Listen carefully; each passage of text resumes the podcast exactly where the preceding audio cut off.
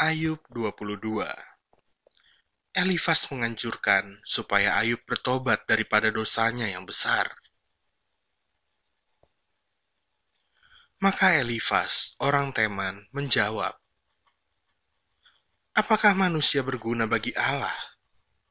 Tidak, orang yang berakal budi hanya berguna bagi dirinya sendiri. Apakah ada manfaatnya bagi Yang Maha Kuasa kalau engkau benar? Atau keuntungannya kalau engkau hidup saleh? Apakah karena takutmu akan Allah, maka engkau dihukumnya dan dibawanya ke pengadilan? Bukankah kejahatanmu besar dan kesalahanmu tidak berkesudahan? Karena dengan sewenang-wenang engkau menerima gadai dari saudara-saudaramu dan merampas pakaian orang-orang yang melarat. Orang yang kehausan tidak kau beri minum air dan orang yang kelaparan tidak kau beri makan. Tetapi orang yang kuat, dialah yang memiliki tanah, dan orang yang disegani, dialah yang mendudukinya. Janda-janda kau suruh pergi dengan tangan hampa, dan lengan yatim piatu kau remukan. Itulah sebabnya engkau dikelilingi perangkap, dan dikejutkan oleh kedahsyatan dengan tiba-tiba. Terangmu menjadi gelap, sehingga engkau tidak dapat melihat dan banjir meliputi engkau. Bukankah Allah bersemayam di langit yang tinggi? Lihatlah bintang-bintang yang tertinggi. Betapa tingginya. Tetapi pikirmu, tahu apa Allah? Dapatkah ia mengadili dari balik awan-awan yang gelap?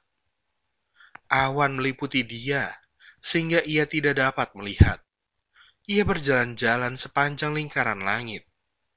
Apakah engkau mau tetap mengikuti jalan lama yang dilalui orang-orang jahat? Mereka yang telah direnggut sebelum saatnya, yang atasnya dihanyutkan sungai. Mereka yang berkata kepada Allah, Pergilah daripada kami, dan yang Maha Kuasa dapat berbuat apa terhadap kami?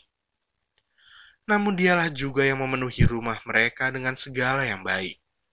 Tetapi rancangan orang fasik adalah jauh daripada aku Hal itu dilihat oleh orang benar dan mereka bersukaria. Orang yang tidak bersalah mengolok-olok mereka. Sungguh, lawan kami telah dilenyapkan, dan peninggalan mereka telah habis dimakan api. Berlakulah ramah terhadap dia, supaya engkau tentram. Dengan demikian engkau memperoleh keuntungan.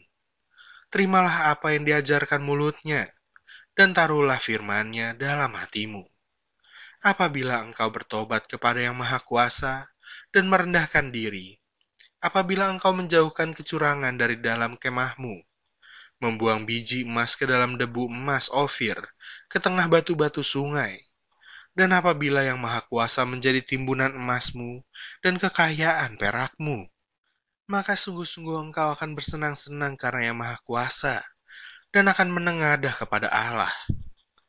Jikalau engkau berdoa kepadanya, ia akan mengabulkan doamu, dan engkau akan membayar nazarmu. Apabila engkau memutuskan berbuat sesuatu, maka akan tercapai maksudmu, dan cahaya terang menyinari jalan-jalanmu. Karena Allah merendahkan orang yang angkuh, tetapi menyelamatkan orang yang menundukkan kepala. Orang yang tidak bersalah diluputkannya. Engkau luput karena kebersihan tanganmu